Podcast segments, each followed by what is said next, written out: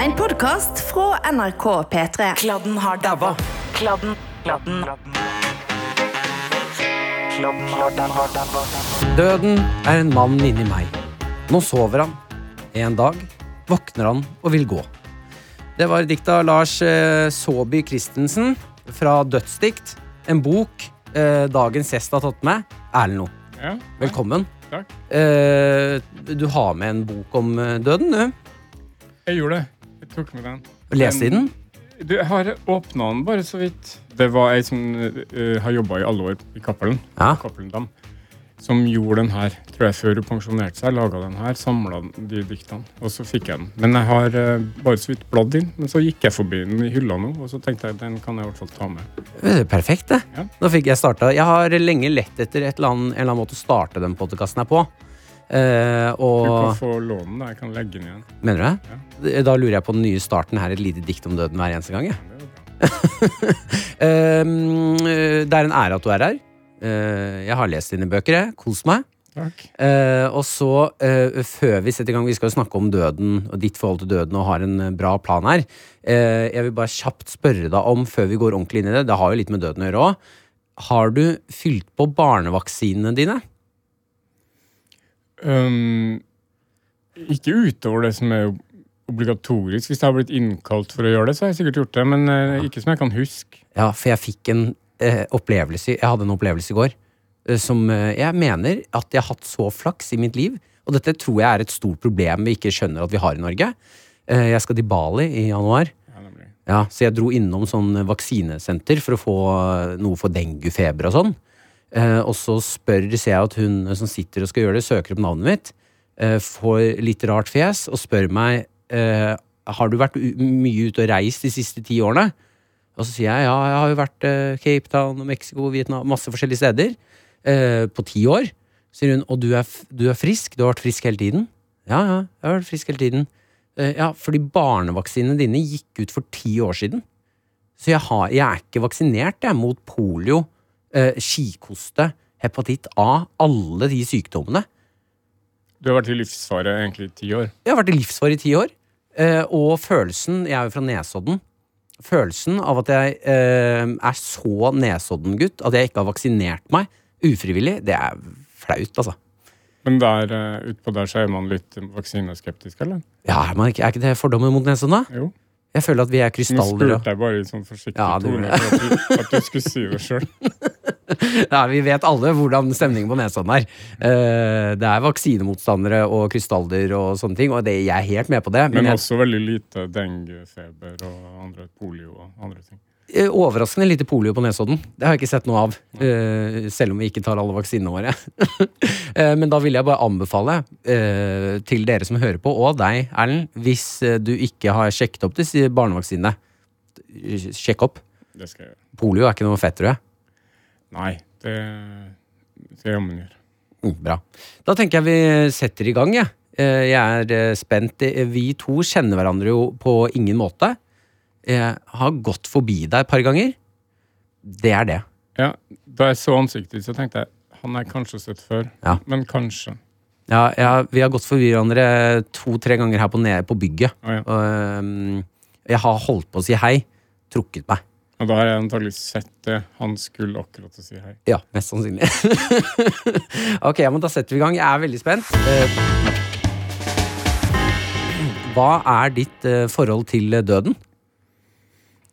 Um, ikke mer eh, enn at det er noe som jeg prøver å holde unna lengst mulig. Ja.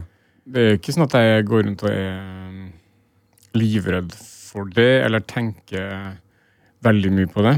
Mm. Eh, Så det hindrer meg liksom ikke i noen form for livsutfoldelse. Men det er jo en ting jeg ikke ser fram til, på noen måte.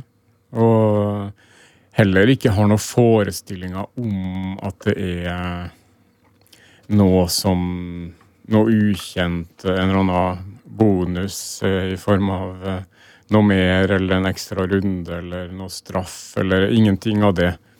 det her, sånne ting jeg alltid følt var, har vært veldig eh, ja, barnslig. Og, og sånn, sånn som hindrer, hindrer oss i å leve sånn som vi burde leve, da. Ja, så du, altså det å tro på en ting etterpå, liksom? Ja, å tro på at man skal oppføre seg på en spesiell måte i livet for å få en gevinst etter at man er død. Det er en skikkelig skikkelig lur ting. Det er sånn som man kunne ha funnet på å si til barn som ikke oppfører seg. Og det, det har man antagelig gjort. Mest sannsynlig, ja. Mest sannsynlig. Men det er også veldig gjennomsiktig. Så det har jeg vel fra veldig ung alder tenkt at eh, det vil jeg ikke eh, av. Ja. Det vil jeg ikke være en del av. Jeg gikk på 14-årsdagen min gikk jeg til Ila kirke i Trondheim og fylte ut en sånn manuell lapp hvor jeg meldte meg ut. Å, jeg er så av tidlig alder? Ja, da man har lov når man er 14. Og det var jeg veldig klar over. Så eh, på 14-årsdagen, og da skulle han presten som var satt i det, hva det heter da, kontoret i sakristiet eller sånn, ja. skulle ha en samtale med meg, var jeg helt sikker på det her, og forsto konsekvensen av det her og sånn. Og det gjorde jeg, så da var det, det var det gjort. Så det syns jeg jo er humbug, at, at man skal leve på en spesiell måte si det. under en trussel. Ja, fordi må si, da må jeg gi deg litt eh, cred for at du som 14-åring tør å stå imot en prest som spør deg Skjønner du konsekvensen av dette? Ja, men da, jeg, da følte jeg at jeg hadde gjennomskua hele opplegget. Som 14 ja, ja, men da har du Så det var, det var Nei, det husker jeg som morsomt, fordi jeg visste at han ikke kunne hindre det. Ja, sant? Ja. Han kunne prøve det, men han, jeg hadde lov. Så da, det var det, nesten det første jeg følte at jeg hadde lov til. Sånn, eh, altså Den alderen Ja, ja. inntrer der. Og så kan man gjøre mye annet morsomt seinere, men ikke som 14. Jo, men jeg syns jo det er noe fint at uh, som 14-åring, det er jo inne i puberteten hvor man ofte skal bli litt rebell, Ja, at du klarer å være så reflektert og Det føler jeg er en god rebell. Stikke til Ja, kirken melde antagelig er det den alderen eller, Nå vet jeg ikke hvordan det er, men jeg tipper at det fortsatt muligens er det samme. Men det er jo fordi uh, i den alderen skal man jo konfirmere seg. Mm. Og da Jeg var døpt, og det hadde vært en stor konflikt, som det er i mange familier. Uh, noen ville, noen ville ikke, og det var veldig viktig for noen av besteforeldrene osv. Så, videre. Ja. så den skvisen der, så jeg var døpt. Og da kommer jo tidspunktet Nå skal du bekrefte dåpen. Og da var jeg blitt stor nok til å tenke nei, det, det skal jeg Det ikke. Og jeg, elsker det. Eh, Men sånn med din eh, For det syns jeg er litt spennende for meg. Du slår meg jo veldig som en eh, person som velger å leve livet sånn som du har lyst til å leve det. Ja, det gjør jeg absolutt. Jeg gjør jo ikke noe ekstreme sprell på noen måte. Og jeg syns jo at man skal oppføre seg ordentlig mot folk fordi Nettopp fordi vi alle er her én gang. Desto større grunn til å oppføre seg ordentlig. Ja. Eh, og ikke fordi eh, noen eh, Ja, at det finnes en fare for meg hvis jeg ikke gjør det. Mm. Men det er godt for meg å gjøre det. Sånn burde det jo være. Men hva tenker du rundt din egen død, da? Tenk, altså, skremmer det deg? Ja, som sagt så er det, er det ikke noe jeg bruker mye tid på å tenke på eller være veldig redd for. Um, men ingenting som jeg eh, ser frem til. Jeg håper at jeg kan eh, vente så lenge som mulig, prøve å oppføre meg i, i en viss grad. Sånn at det rent sånn kroppslig og mentalt eh, funker på et vis, da. Uten Ja. at jeg er noe ekstrem på noe som helst måte. Jeg kan røyke på fest, eksempel. Snuse i, så lenge jeg er våken. Ja. Så det, det er jo ikke sånn at jeg oppfører meg på noe sånn renhetsmessig ekstrem måte. Nei. I det hele tatt. Men uh, litt sånn middelveiaktig oppførsel har jeg nok. Men uh, det um, Altså eh, Det med at du eksempel kjører enhjulssykkel, uh, hva kommer det av? For det har jeg tenkt er en sånn Jeg har ett liv, la meg prøve enhjuls... Skjønner du hva jeg mener? Ja, altså Det kom jo til meg litt tilfeldig. Eller er det treningen, kanskje? Ja, nå har det blitt både eh, den daglige gleden ved det, altså alle transportetapper, slutter å være transportetapper og bli eh, eventyr, på en måte. Det høres jo veldig gladkristent ut. Ja, og litt slitsomt. Men nei, det er jo ikke det, altså. Bare, bare ned hit nå, så er det en opplevelse, eh, og ikke en transport, da. Ja, for nå er det eh, hard vinter her i Oslo. Ja. Eh, du kom på enhjulssykkelen. Det er is, og det er trapper på Blindern, og liksom kjø- kødder- kjører Jeg ikke den kan kjøre trapp, jo, jo. Nei, fuck off. Mener det. Du det? Ja, ja. Nei, jeg, Er du ikke redd for å dø, eller? nei, men jeg dør ikke av det. Jeg har falt. Altså For eh, fi- tre-fire uker siden så hadde jeg et fall på en sti i skogen. Ja. Og da skulle jeg Da skulle jeg følge med en eh, Jeg sykle med en matematiker en gang som, eh, iblant som heter Ulrik. Og han har en sønn Han har en sønn eh, som kanskje er 14 eller 12. Ja. eh, Som jeg ikke husker navnet på. Og de er mye tøffere enn meg. Helt uredd. Jeg er litt redd. Ja. Uh, og trekker meg. Jeg er også stor og sånn klumpete fyr. De er sånn små og lett og sånn. Og da fant vi en sånn pump track som heter, inne i skogen. Ja. Det er sånn som går i bølger, liksom. Noen har, Ja. noen har gravd ut en bølgeformasjon på en sti, da. For, for at dere skal ha det gøy på den elsykkelen, liksom? Ja, ikke, ikke for enersykkel, men for sykling, da. ja, riktig. Ja, men to Men de er helt uredde og setter jo i gang med det. Mm. Og det var mørkt, det holdt det på å bli, og det hadde kommet snø og det var ganske kaldt og sånn. Så tenkte jeg nei, det skal jeg prøve. Og det, jeg klarer jo det i vanlige fall, men så var det på den siste liksom oppoveren, bompa, så var det en eh, kanskje en fem centimeter stubbe eller noe sånt på den andre Ja. sida som jeg ikke kunne se fra den vinkelen. Og da gikk jeg rett i bakken sånn uten at jeg rakk å ta meg for og landa på brystbeinet. Og, og ble helt slått ut da. Ja, Mista pusten? Jeg mista helt pusten sant? og, og, og brista flere bein her. Ja, gjorde det, ja. Så i noen uker nå så har jeg gått og latt som jeg ikke har vondt, for jeg vil jo jeg vil jo ikke at de hjemme skal tenke at den aktiviteten her er så farlig. Ja, fordi da- de hjemme liker ikke egentlig det her, eller? Jo, jo, men jeg må jo, jeg må jo ikke være dumdristig, og det er jeg vanligvis heller ikke. Nei. Men da, da de, de sekundene jeg lå der da og hadde vondt og skjønte at nå er jeg gjort noe kjempedumt, og nå har jeg antagelig brista nå, og det er vondt å puste. Sant? Det er ekstremt vondt å hoste og nyse og sånn. Nå har det blitt bedre, da. Um, bortsett fra de gangene, så når jeg faller, og det skjer jo, så springer jeg egentlig bare videre. Ja.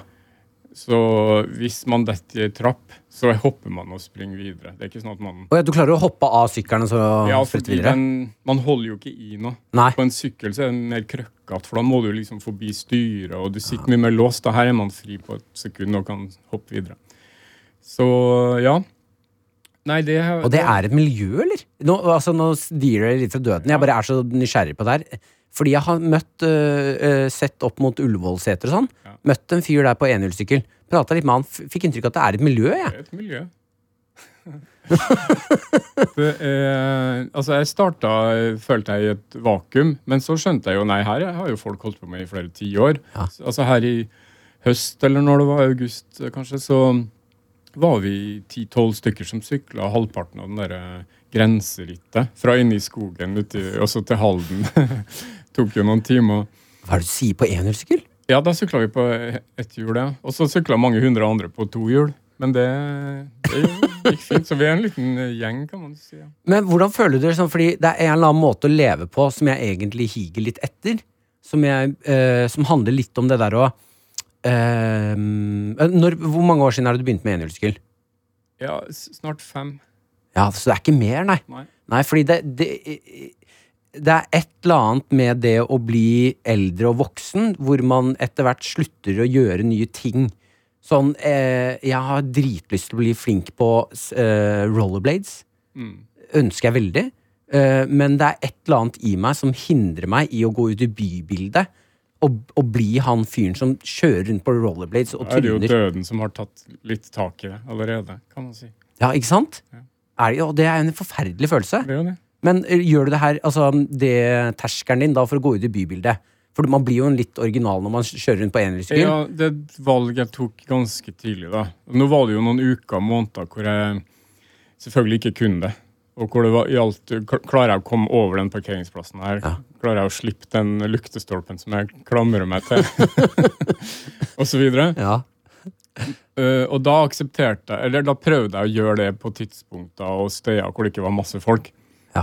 Ja. Men så når jeg var oppe og, og begynte å klare det og kunne sykle noen kilometer, og, så måtte jeg jo fort innse at enten må jeg jo gjøre det her altså om morgenen første påskedag, når det er ingen ut. Ja. Natt, natta til første ja, da blir det Men da blir det veldig sjelden og, og, og spesielt. Og da ser du klin gæren ut, altså. Ja. Hvis vi skulle funnet deg alene på natta Ja, det det. rundt i bybildet her. Så jeg tenkte at nei, det får heller eh, det, for, det kan jeg ikke tenke på. Det driter jeg i. Ja. Men, er det, men må du da eh, Er det lett for deg å kaste bort den Ja, det var en terskel, men den er forbi nå for lengst. Ja. Ja, ja. Det tok meg et halvår, så begynte jeg å sykle i byen. Og nå sykler jeg jo, altså står i trafikklys og er overalt i, hver dag. Ja, ja for jeg syns det er noe vakkert med voksne mennesker som er dårlig på noe, men velger å trosse den derre For jeg forstår ikke eh, det at voksne mennesker ikke oftere får nye hobbyer, eller liksom tester nye ting. Det var jo litt det som Jeg vet ikke om det var inngangen til det, men jeg, jeg har jo alltid vært helårssyklist og vært liksom glad for det og stolt av det. Men så dukka det her opp. Det var jo øh, altså litt øh, Det han musikeren Bjørn Tomren, han som vant Stjernekamp, hvis du husker han. Han var en veldig herlig skrue. Altså For flere år siden, da Stelka 5, så spurte han om jeg ville være med å sykle Norge på langs. Og så sa han på ett hjul. Og så så jeg på han, og så skjønte jeg at han mente det. Og da skjønte jeg også at han, han kan å sykle på et hjul. Og så begynte jeg jo bare å le. Men så noen måneder senere så kjøpte jeg en for å bare Er det mulig? Ville det vært mulig? Hva er det en sånn ligger på om dagen, da? En, en god uh, enhjulssykkel eh, Altså den første jeg kjøpte, med 29-tommers hjul, det er ganske stort. Sånn fatbike-dekk. Kosta kosta kanskje 7000.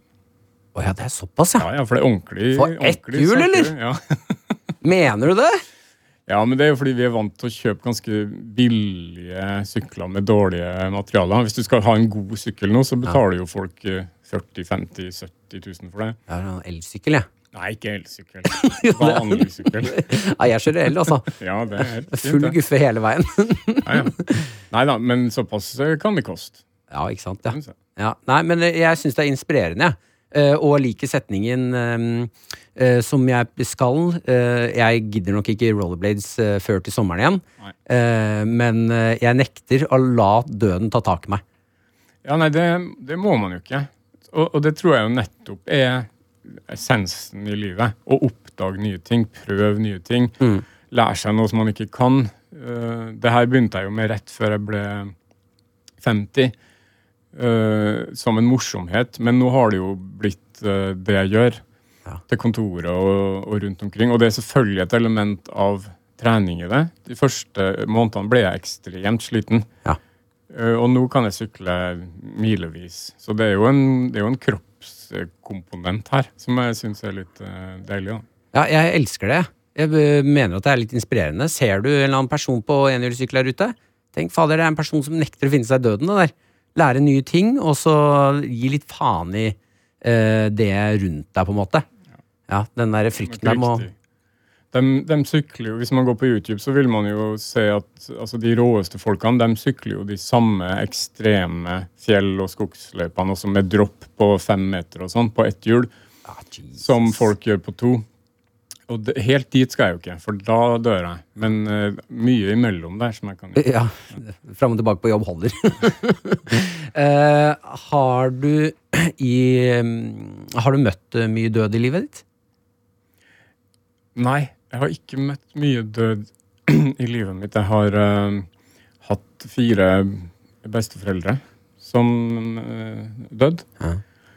Ja, en av dem da var jeg tett på å hjelpe til å kle på findressen på morfaren min og Når han var død? når han var død, ja. Og, og hus, huska på å springe ut og kjøpe en sånn eske Tidemanns grønn snus og putte i lomma på dressjakka som, før han skulle begraves og sånn.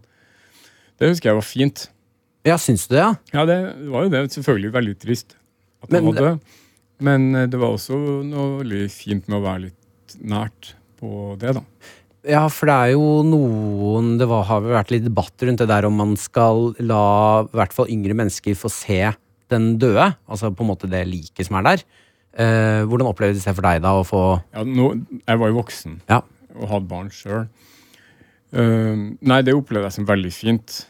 Og det ville jeg bare tenkt at uh, det har man godt av. Å skjønne hva det er for noe. Å se en død person. Jeg ville ikke latt mine eh, barn altså unn, unngå det, hvis jeg kunne velge det. det. Det tror jeg på. Det kommer selvfølgelig an på hvor nært det har vært og hvor vanskelig det er. Men det tror jeg det finnes en slags uh, helende komponent i. Og sånn er det faktisk. Ja. Og det er dagligdags, og det er trist, men alle må gjennom det, og alt det der, da. Ja, jeg tror også egentlig det der, eh, som du sier, eh, kommer an på litt situasjonen. Men det der å få se eh, kle av eh, døden litt, på en måte, er litt viktig, og uansett litt alder. For det er så mytisk og skummelt, og sånn, og så se, kan man da få se Ok, men Jeg husker en eh, hendelse hvor jeg var ganske liten, og da var det nok oldemora mi som døde. Og da satt jeg igjen i eh, huset til morfaren og mormora mi eh, og fikk ikke være med på den begravelsen. Var i hvert fall ikke med. Og det tenker jeg kanskje var fordi de ville beskytte meg mot å se en kiste senka i jorda og sånn. ja. Men til gjengjeld husker jeg jo ekstremt godt at jeg kunne sitte i det vinduet og se over en sånn liten dal på Moholt i Trondheim, over til Moholtkirka, og visste at de var på den kirkegården. Mm. Så det husker jeg kanskje ekstra godt. Kanskje jeg ikke hadde huska selve begravelsen så godt, det vet jeg ikke. Men eh, nettopp fordi jeg ikke var med, så har det festa seg enda bedre, da. Ja. Og så har jeg jo jeg har mista noen venner ganske eh, Da vi var i 30-årene, så var det to ganske nære venner som døde av kreft eh, kort tid etter hverandre. Det, det gjorde jo også veldig inntrykk, for den var jo altfor ung. Altså, de besteforeldrene mine var jo gamle og hadde levd eh, lange liv og fått gjort det de skulle, på en måte. ja. Men uh, dem jeg snakker om nå, var i midten av 30-årene, og senere en som var i midten av 40-årene, uh, til sykdom. Og det er jo uh, Ja, da, da kjenner man det jo på en veldig konkret eh, måte, at her er det feil. Klarer man å hente noe Fordi det jeg liksom lurt på sånn Jeg har jo blitt 30 nå, eh, og så hører jeg liksom Det å miste besteforeldre eller foreldre og sånne ting, det føler jeg er en litt mer sånn naturlig del av eh, det vi lever i. Men det å miste venner, det, det skjønner jeg ikke liksom helt hvordan man skal cope med. Nei, det var jo bare veldig trist. Hun en, ene av der hadde jo nettopp fått barn, og det var, det var så tydelig at hun, det var så urettferdig. Mm. Hun var liksom i gang med masse greier og hadde fått et lite barn og føltes eh, veldig, veldig feil og slemt og urettferdig. Kom det noe fint ut av det? Jeg føler noen ganger at døden også bringer liksom folk tettere sammen. De som er igjen. Ja, altså Det var noen fine minnemarkeringer Ja. etterpå. og Det var noen fine samtaler med de andre vennene og med foreldrene og søsknene hennes og sånn. Men uh, selvfølgelig, det gjør det jo. Det skaper en, uh, en samhørighet og en nærhet. Men det hadde jo vært enda bedre hvis hun ikke Mista dem, ja.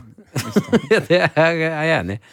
Uh, du, jeg syns Du slår meg som en som har ganske beroliget forhold til døden. Plager deg ikke så innmari? Men ligger litt her og der?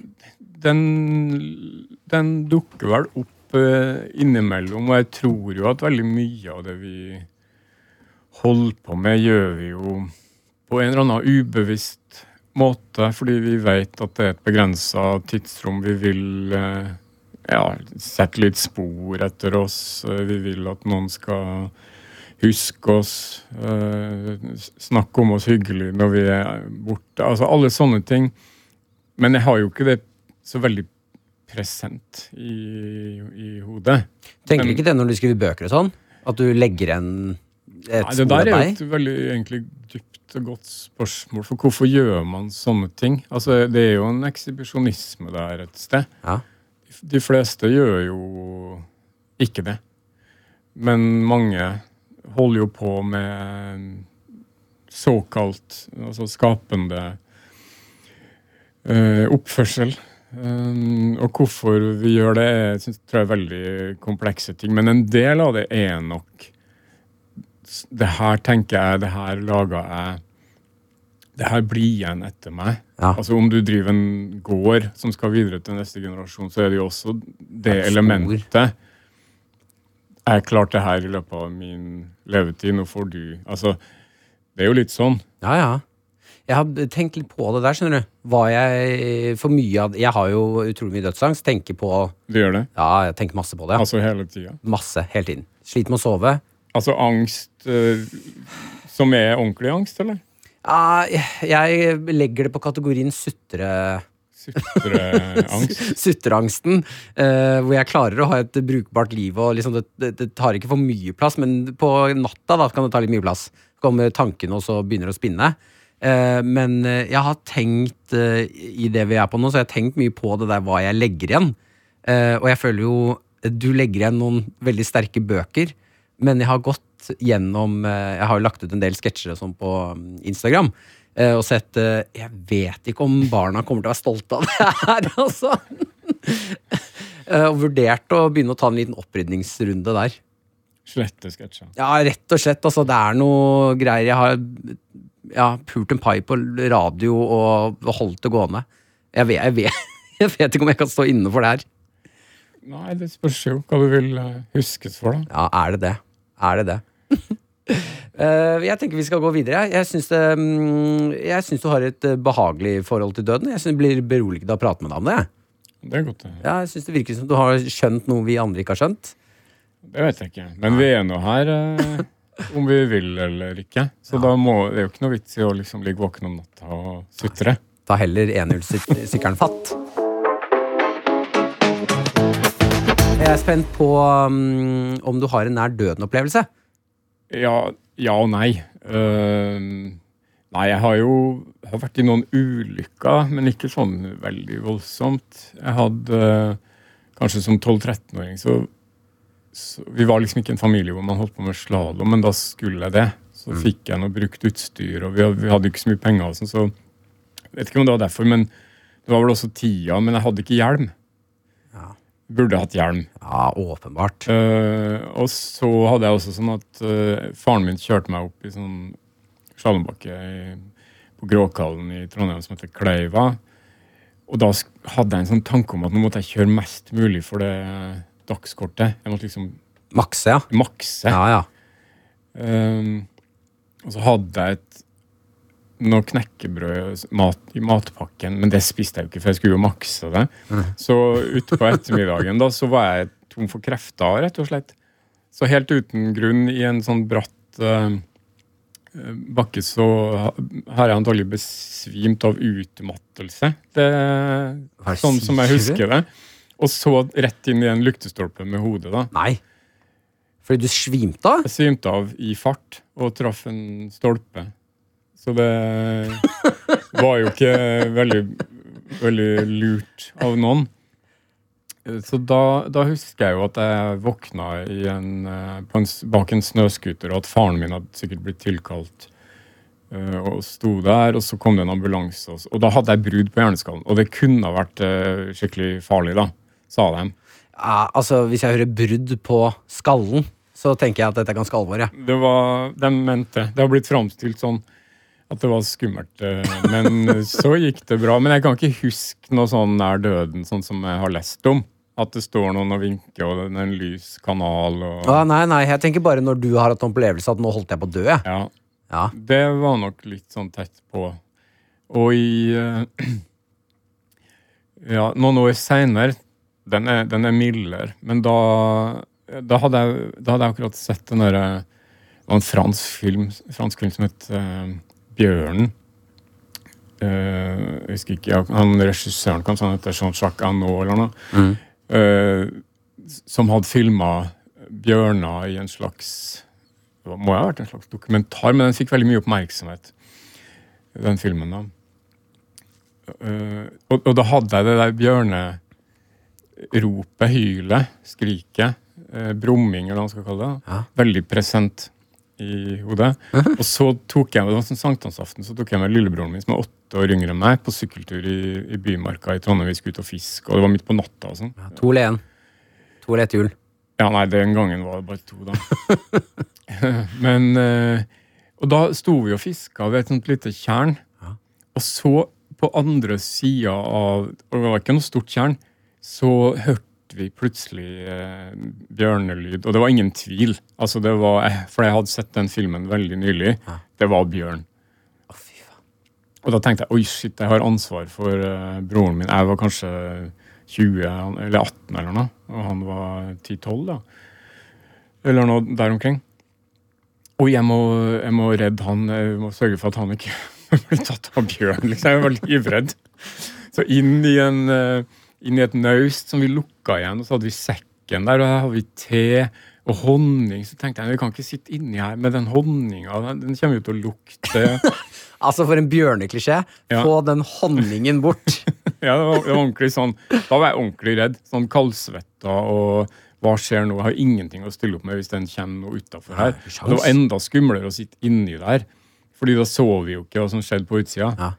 Så etter en stund da, så når jeg ikke hadde hørt noe mer, da, så tok jeg han eh, Og så sprang vi til syklene og halsa av gårde, liksom. Da møtte vi noen andre som også hadde sett bjørn. Men vi så han aldri, da. Jeg hørte han bare.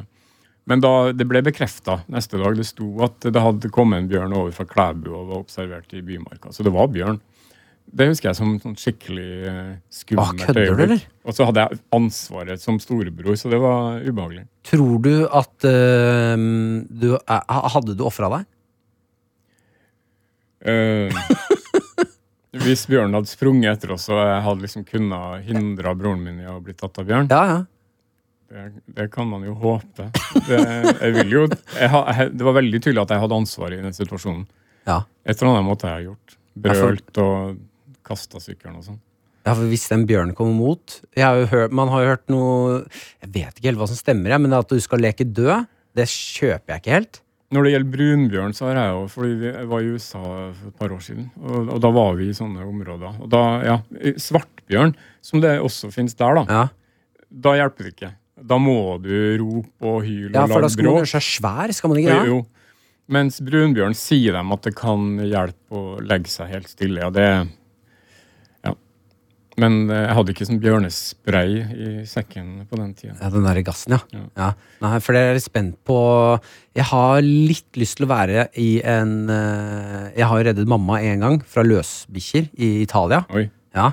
Eh, og den følelsen higer jeg etter hver eneste dag. Redde noen fra Ja, redde, ja. Ja. For da var det en slags følelse at nå ofrer jeg meg. Ja. Hvis dette går gærent, så kommer de hundene til å ta meg istedenfor mamma. Og så gikk det jo ikke gærent. Og den hel, også det å være en helt Fader, så digg det Det er. er sant, det, er- men det har, det har jeg også opplevd på en måte for noen år siden, hvor jeg var i um, varme strøk med, med kjæresten min. Så var det veldig altså, Vi var på Menorca. Det var sommer, det var ikke kaldt i vannet. Men det var veldig mye bølger og veldig sterk strøm akkurat der vi var. Og så så jeg en familie som gikk ut eh, og svømte mot et sånt nes. Og så kunne jeg se at eh, de ikke kom seg inn igjen. Altså strømmen var for sterk, da. Uh, og så strevde jeg med det lenge, og til slutt så reiste jeg meg, og så var det en annen en som satt på stranda. Vi skjønte at nå må vi faktisk uh, hjelpe til her. Ja. Og, og stupt ut og svømt. Det var mor og far, og så var det en, datter og en sønn, da. Og da svømte jeg ut til hun dattera og tok, sånn som jeg har sett på Film? film, egentlig, under liksom, sperrer, over brystet hennes, under armene, og så svømt innover med hun med den ene. Men det var skikkelig sterk strøm. Ja. Og da holdt jeg på å gå tom for krefter. Det var skikkelig, skikkelig hardt, liksom. Det var, Du, overraskende tungt å svømme med ja, det, noen det var eh, som er ordentlig skummelt og, og ubehagelig situasjon. Ja. Og da vi kom til slutt inn, da, tok veldig lang tid. Og han andre hjalp han gutten inn, og de foreldrene klarte seg på et vis. Eh, Da var hun mora så sint og opprørt på den faren at hun begynte å liksom kjefte på han. Veldig. Og så tror jeg hele familien var så flau over at, og, og kanskje ikke helt villig til å innse at de hadde nettopp vært i en livsfarlig situasjon, for det hadde de. da. Så de bare, de, de sa ikke et ord til oss som hadde hjulpet dem. De bare Nei. gikk kranglende bortover stranda. liksom. Ikke noe heder? Nei, så vi fikk liksom aldri den. Men da følte jeg at jeg, jo, da gjorde jeg en forskjell, da. Så det var en, Ja, Da har du redda liv, da. i hvert fall hjulpet til en farlig situasjon. Mm. Men altså bli snytt for Jeg fikk aldri den eh, takken Men de andre så det jo. Kjæresten min så det, for eksempel. Det var jo bra. Å ja, ja, da er du en eh, utrolig sexy mann, ja. Eh, jeg fikk i hvert fall eh, nikk av mamma, husker jeg. Sånn eh, et av de første Du er på ekte min sønn. Veldig bra. Ja, ja, det var Ja, fantastisk. men jeg tror det er noe veldig skamfullt over å, ha, over å sette seg sjøl i sånne situasjoner. Så man begynner nok å fornekte det med en gang. Så Hvis det hadde gått en halvtime etterpå, så tror jeg de hadde kunnet komme og sagt tusen takk. Men uh, Er det ikke rart at vi mennesker syns det er uh, Vi har så lite lyst til å være til bry ja, veldig. at det å, å, å rope 'hjelp', nå dør jeg, De ropte aldri hjelp, men det var helt åpenbart at det var en livsfarlig situasjon. liksom. feige vi er. At vi ikke tør det engang, altså. Det er helt sinnssykt. Du, jeg syns du leverer på uh, nær døden-opplevelse her, ja. Ja. Bjørn og eh, Ja, Bjørn. Jeg går for Bjørn, jeg. Jeg syns den var sterk. Du Du sa den var mild, men den var veldig fin, den. Vi skal over. Jeg har eh, lyst til å bruke um, fantasien din litt, jeg. Se om det her går. Uh, vi skal over til Hjem like. Hjemlike. Ja, rett og Ja. slett. Eh, du, jeg vil jo se Den fantasien din er vel på plass, den? Det, vet, vet ikke sånn mordermessig, men eh, Vi får se. Ja. Jeg skal male opp scenarioet til deg. Du har tatt eh, livet av en person i dette scenarioet her. Eh, si at du har vært hjemme. Eh, jeg tar det klassiske, for det jeg føler er det beste eksempelet jeg har. Eh, du har hatt en snekker på besøk. Er du handy? eh, litt. Litt, ja. Men akkurat nå så skulle du pusse opp noen greier. Du skjønte at det her må jeg ha litt hjelp. Mm. ja, det er en snekker hjemme hos deg. Bilen hans står utafor. Han har verktøy og alt inne i huset ditt. Eh, han spør eh, Erlend, gidder du å bare gi meg den skrutrekkeren? Du tar tak i den skrutrekkeren eh, og snur deg litt brått. Den går inn i halsen på denne snekkeren. Du drar den fort ut, for du skvetter. Det skal man jo ikke gjøre. Han fosser blod ut, og han dør. Du blir jo livredd, for du skjønner jo at nå har du drept en mann og skal i fengsel. Det er ikke et rovmord, da, hvis det var en ulykke på den måten. Ja, basert på Ja, ok, du skal få lov til å forsvare deg hvert øyeblikk. Eh, han detter om, eh, du blir livredd, eh, du vil jo ikke i fengsel. eh, og i øyeblikket så bestemmer du deg, jeg må bli kvitt liket og alt. Du må gjemme liket. Hvordan går du fram for å ikke bli tatt? Ja. Nei, det er jo, der er det jo mange elementer, og de fleste vil jo selvfølgelig havne i, i klemma. Det jeg egentlig ville ha gjort da, er nok å si Jeg ring- ringte politiet og sagt vet du hva, nå var jeg veldig uheldig og snudde meg, og så havna skrujernet inn i halsen på han stakkaren. Ja, jeg syns det høres eh, kriminelt ut, altså. Ja, det, men da måtte jeg jo stort på rettsvesenet. Men jeg skjønner, i det scenarioet her så kan man ikke det, da. Ja, Eh, tror du at du hadde kommet deg unna med det, altså? Ring politiet og sagt du, hei, jeg snudde meg litt fort og kjørte en skrutrekker inn i halsen på en annen fyr. Uh, Ja, Da tror jeg du er kjørt, altså. Tror jeg det naivt og av meg å tro at de ville høre på meg. Nei, det tror jeg ikke. Nei, ok, men greit, da. Nei, um, jeg har jo sett og lest mye. Jeg har jo jeg har et badekar, men jeg har ikke sånne ting som løser opp uh, kropper. Altså, sånne syrer som de bruker i Breaking Bad og sånn. Nei, det er jo godt det er det. Det har jeg ikke. Og ikke tilgang på sånne plastdunker, som de også har i, i de seriene der. Nei, jeg tror nok jeg ville ha tatt øh, vedkommende sin bil, da. Mm.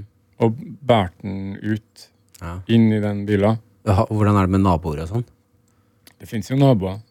Bor du i hus, eller Nei, jeg bor i et rekkehusaktig øh, hus, da. Ja, jeg måtte ha tenkt på alt sånt, ja. Ja, ja. Det er høyrealistisk, det her, altså. Det er svært få som har fått godkjent oppgave. ja. Men har han eh, liksom noen som ringer en stadig vekk? Han har en mobiltelefon, eksempel? Ja, det vil jeg tro. Snekkere er ofte veldig opptatte folk. Nei, jeg hadde nok likevel eh, på en eller annen måte prøvd å få vedkommende inn i bilen. Kanskje venta på mørkets frambrudd, da. Ja, Og det kommer ingen hjem til deg. Eh, andre familiemedlemmer kommer Ja. hjem til meg. Ja. Før det blir mørkt, eller? Vi gjør det. Ja. Og Da får du vitner, da. Uh, nei, men da hadde jeg, jeg hadde gjemt eh, pa, pa, Pakka han inn eh, i nå og gjemt under eh, For vi har et skap eh, med en støvsuger og litt forskjellig under trappa. ok. Gjemt inni der. Pakka godt inn i en presenning, som det har jeg. Ja. Og, og jeg har også mye sånn stropp, stroppeutstyr. Mm. Så hadde jeg stroppa han, og så hadde venta til det ble mørkt og folk hadde lagt seg og sovna. Ut i hans bil. Hvor, hvor, kan jeg spørre, hvor mange er det som bor Nei, det kan være mange. Det kan være hos dere? Ja. Ja, det er forskjellige barn, hennes og mine, og hvis eh, alle er der, så Når det er makskapasitet, da? Da er vi seks. Å, det er så mange, ja! Ja. Ja, ikke sant? Og da må du satse på at Ja, men de, de legger seg jo, og de holdt på med dataspill, og de eh, Så jeg måtte jo vente til det var stille i huset, da. Ja. Uh, og så er jeg jo sterk nok til å løfte en sånn kropp. Det tror jeg. Har du prøvd før? Nei, det har du vel ikke. Det er ikke veldig ofte jeg løfter kropper, Nei, jeg jeg tok meg selv i det, ja. Men jeg tror jeg hadde klart det. ja fordi, har du prøvd sånn eh, brannmannsløft på noen? Ja, det har jeg. Altså så tunge mennesker blir når de er slappe? Folk er jo litt tunge. Ja. Men da måtte jeg åpne døra, åpne bakluka på hans øh, Volkswagen Transporter, Ja. som sto rett utafor, da. Og øh, øh, dette er jo en vanskelig oppgave, så jeg må øh, øh, stille deg til veggs her. Når folk kommer hjem og spør du, hvorfor er den bilen fortsatt utafor, da? Ja, nei, men da er det fordi han har en, et oppdrag i, hos en nabo. Jeg tror ikke dem, De fleste hos oss driver ikke og følger veldig med på bilsituasjonen rett utafor. Å, gjør ikke det, nei? Ok, ok, ok. Men eh, hvis det, de hadde spurt om det, så eh, Nei, han skulle ta et oppdrag på, hos eh, dem på hjørnet Ja. her, sa han. Eh, nei, ut i bil, og så starta opp eh, Og da kunne jeg jo ikke kjørt fryktelig langt, siden Mm. jeg skulle vært tilbake på natta. Da måtte jeg jo komme meg tilbake òg, ja. Nemlig. Da hadde jeg tatt sykkel inn i bila sammen med en. Ja. Og så kjørte den ut eh, Helst burde jo den bilen forsvinne. Eh, Bilen, ja. Ja. Og alt, egentlig. Jeg hadde sikkert vurdert å tenne på Hele, hele, hele, hele greia, ja. Ja. Tatt den ut igjen av uh, presenninga plassert den ved rattet. Og tent på. det Da hadde jo ikke vært meg.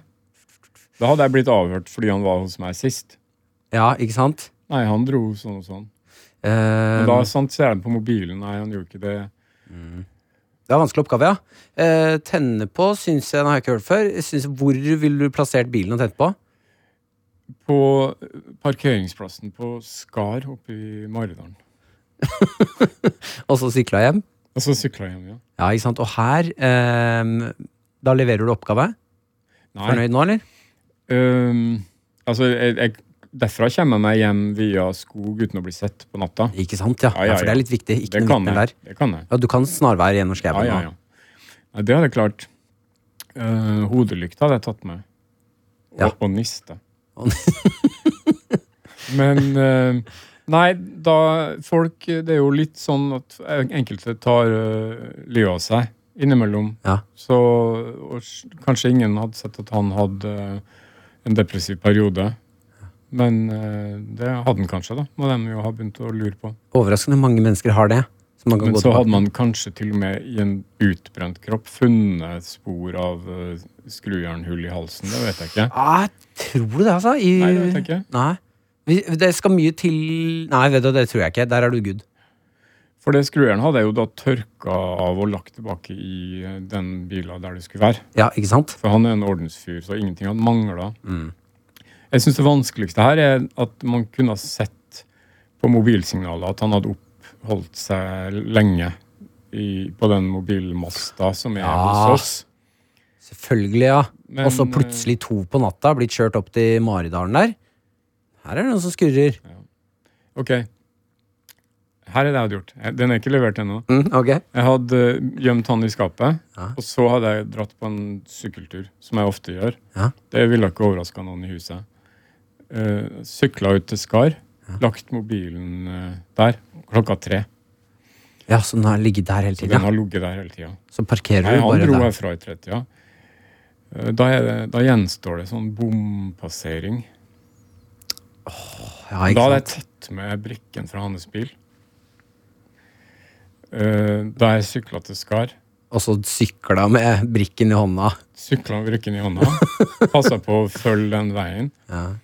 og så uh, skrudde av skiltet på natta. Sånn at det ikke kunne gjenkjennes på bompasseringa. ja, der er du god. Skrudde på igjen, Ja. og lagt mobilen i lomma hans. Tente på og hjem. deg hjem, ja. Det, det, det, nå er oppgaven løst. Er levert? ja, den her syns jeg ikke er dum. Eh, det eneste Jeg lurer på om det her lener seg mot godkjent. Altså. For det eneste jeg kunne tenke meg, er De ville jo avhørt deg og din familie. Mm, og da ville noe Du ville jo bare haner ingenting. Uh, hatt din sak. Familiemedlemmer ville muligens sagt nei, bilen sto her. Han sa Erlend sa at han hadde oppdrag ved nabohuset her. De går til nabohuset. Vi har ikke hatt noen snekker. Uh, Hvem er det som har sagt det? Erlend. Går tilbake der. Hvorfor har du sagt det? Hans, for han sa det til meg. Jeg vet ikke hva han gjorde etter at han dro herfra. Ja, ikke sant? Ja, ja, da er jeg good. Det det er godkjent. Men da måtte jeg levd med den uh, hendelsen. Ja, og der kommer det ekte spørsmålet. Ja. Hadde du klart å leve med det her? Nei, det hadde jeg ikke. Det er jeg veldig dårlig på, tror jeg. Ja. Har du mye samvittighet? Ja. Mm. Jeg hadde ikke klart det i det hele tatt. Så jeg ville nok gjort det som jeg først sa. Jeg ringte politiet og sagt Jeg skjønner at det høres veldig rart ut, men nå snudde jeg meg med skrujern i hånda, og han sto der. det er det jeg egentlig ville gjort. Ja, det høres dumt ut, altså. Det høres veldig dumt ut. Ja, Men uh, for samvittighetens skyld, heller ta litt fengselstid og kunne leve med deg selv. Ja, faktisk. Ja.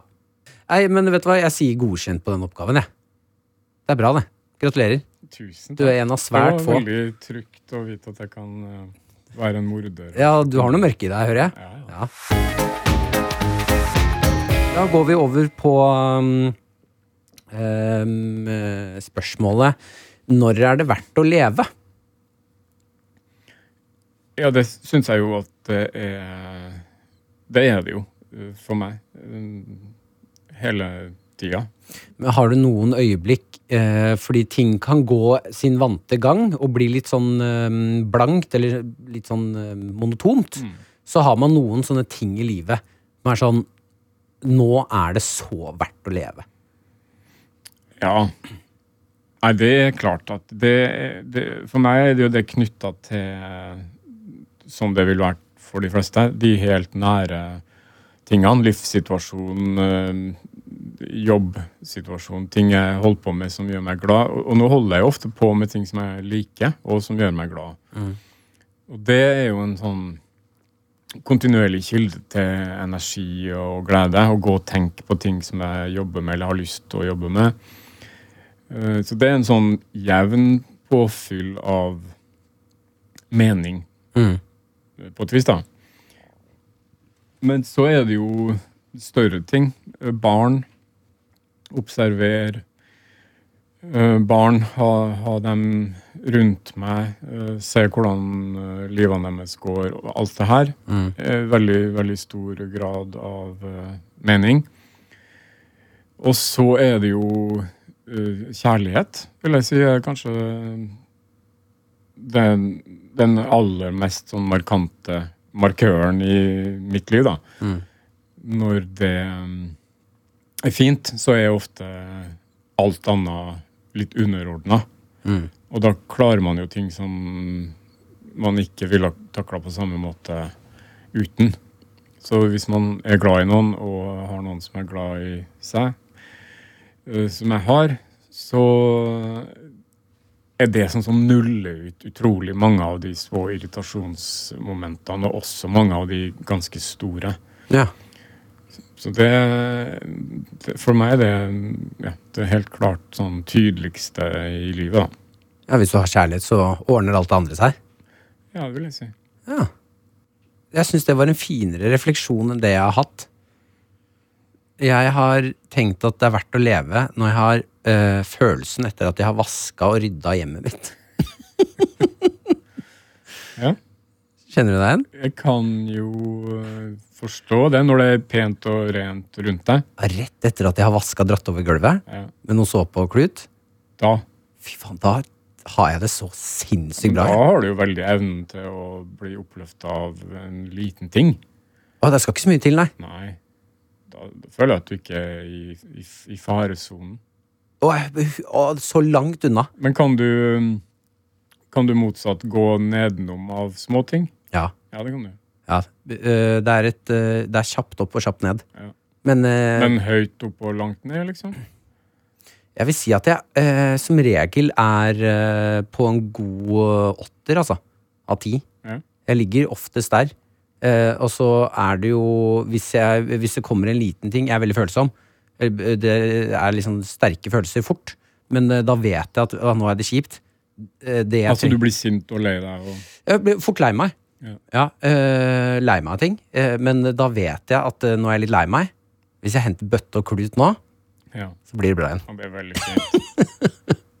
Jeg trenger ikke mer. Men du trenger ikke å stå og vaske hendene dine hele dagen. Å nei, det gjør jeg litt for sjeldent.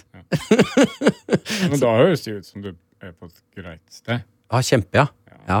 Jeg bare syns det er um, uh, Folk jager jo etter dette å ha mening i livet, og ha det bra hele tiden. Uh, og så har jeg Og da uh, Jeg føler at det der eh, meningen med livet eller, og det å ha det bra, ofte legges så høyt. At det, det, det, det er så store ting ofte som skal til. Eh, Drømmene er så store. ja.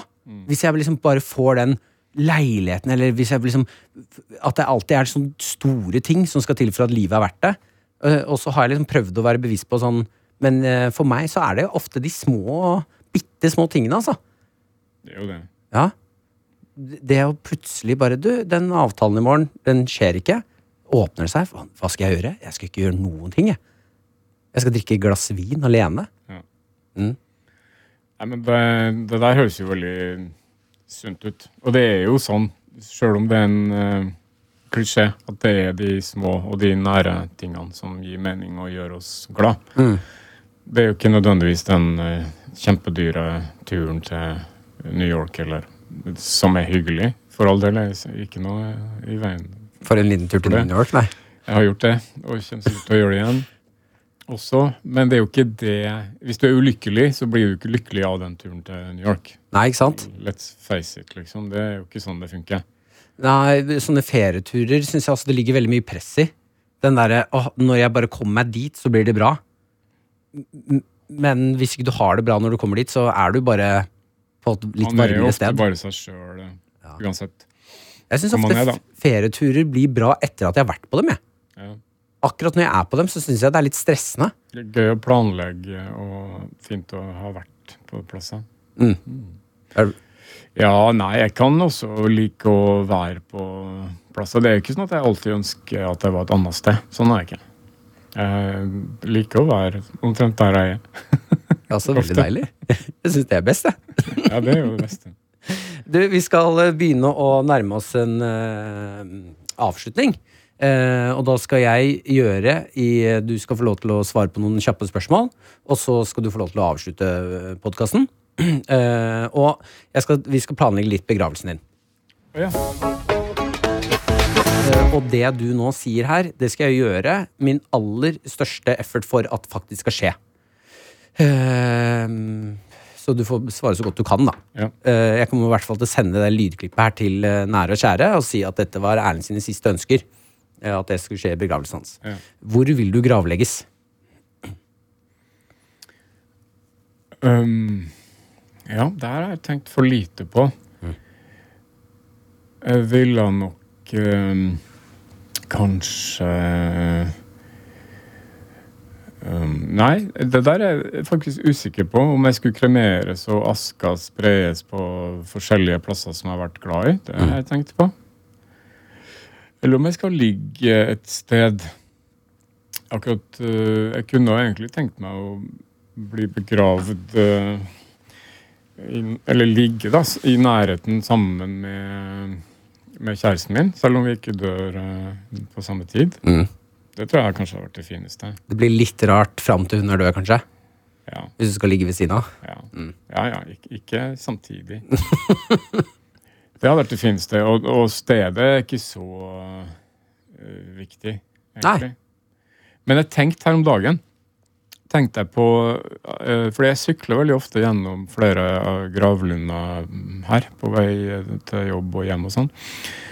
Uh, og da slo det meg uh, en hyggelig inskripsjon på en gravstein, faktisk. For det fins en eh, Jeg tror han har noen norske aner. En veldig morsom amerikansk radioprater. Han er gammel nå. Han heter Garrison Kaler, som har skrevet også ganske morsomme bøker. Han har skandinavisk bakgrunn, eller kanskje norsk, eller jeg husker ikke. Men han slutta alltid sine radiosesjoner med eh, Be well, do good work and keep in touch. Det, Det kunne ha stått på gravsteinen. Jeg fikser det. Det står på din gravstein. Ja, ja, ja. Er du gæren? Be in touch. Jeg syns det var fint, jeg. Ja, det er fint, ja. Uh, Enkle, viktige ting. ja. Be well. Be well, do good work and keep in touch. Keep in touch. Ok, da står det på din stein. Mm. Du gravlegges i i nærheten av familie, din eh, kjæreste. Um, I denne begravelsen, hvem skal være konferansier eller en slags prest? da? Nå vil ikke du ha prest, for du har meldt deg ut, men leder av uh, denne seansen. Um, nei, det kunne eksempel vært uh, Bjørn Tomren, Mm. som jeg snakka om i sted. Ja. Han kunne strupe sanger og sunget og jolla og holdt på med et par sånne. Nei, han, vet du hva? Han, han burde synge 'Eg er ein framand', som han gjorde på Stjernesang. Han satt med et lite pumpeorgel, og så synger han bare altså en gammel, gammel salme. da. Uh, og så midt inni der så begynner han å strupesynge. Ja. Og det er kanskje det fineste jeg har sett på norsk TV noensinne. Jeg har sett det mange ganger, det ligger på YouTube. Jeg får tårer i øynene hver gang. Den, hvis han hadde sunget den, er jeg fornøyd. Ok, ja, perfekt. Da er det også din siste låt, da, tenker jeg. Ja, ja. Eh, nå skal jeg eh, gjøre noe jeg kanskje kommer til å angre på. Eh, men, eh, bare en slags audition til din begravelse. Nå vet jeg at han skal synge, men jeg har begynt å lære meg strupesang. Har du? Ja, Er det sant? ja. Ja. Hvis du godkjenner jeg, Dette kan hende at jeg kommer til å angre på, men hvis eh, jeg kan vise deg litt Ja. Hvis du syns det her er bra nok, så eh, stiller jeg gjerne i Du kan din. få vikariere for han hvis han ikke kan akkurat da. Ja, ja, jeg tenker han, sammen. jeg er nett, eh, nesten nødt til at han er der, men jeg kan i hvert fall være med på strupesangdelen hvis du godkjenner det her. Skal jeg strupe sangen for deg? Ok.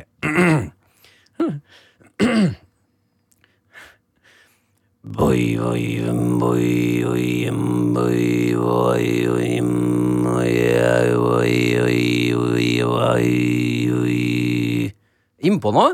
Veldig. Har du bare lært deg på,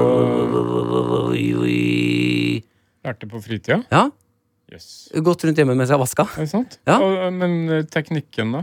Nei, det er det jeg ikke helt skjønner selv, men det ligger liksom nede i strupen, har jeg funnet ut. Jeg begynte bare å prate sånn her på tull, og så merker jeg, ja faen, det er, det er litt strupesangete. Du har, du har jo også noen mongolske trekk. Ja, i fjeset? Ja. Ja. Kanskje det kommer noe derfra, da. De, altså de mongolene på eh, 1100-1200-tallet, de Ja. kom jo helt til Østersjøen.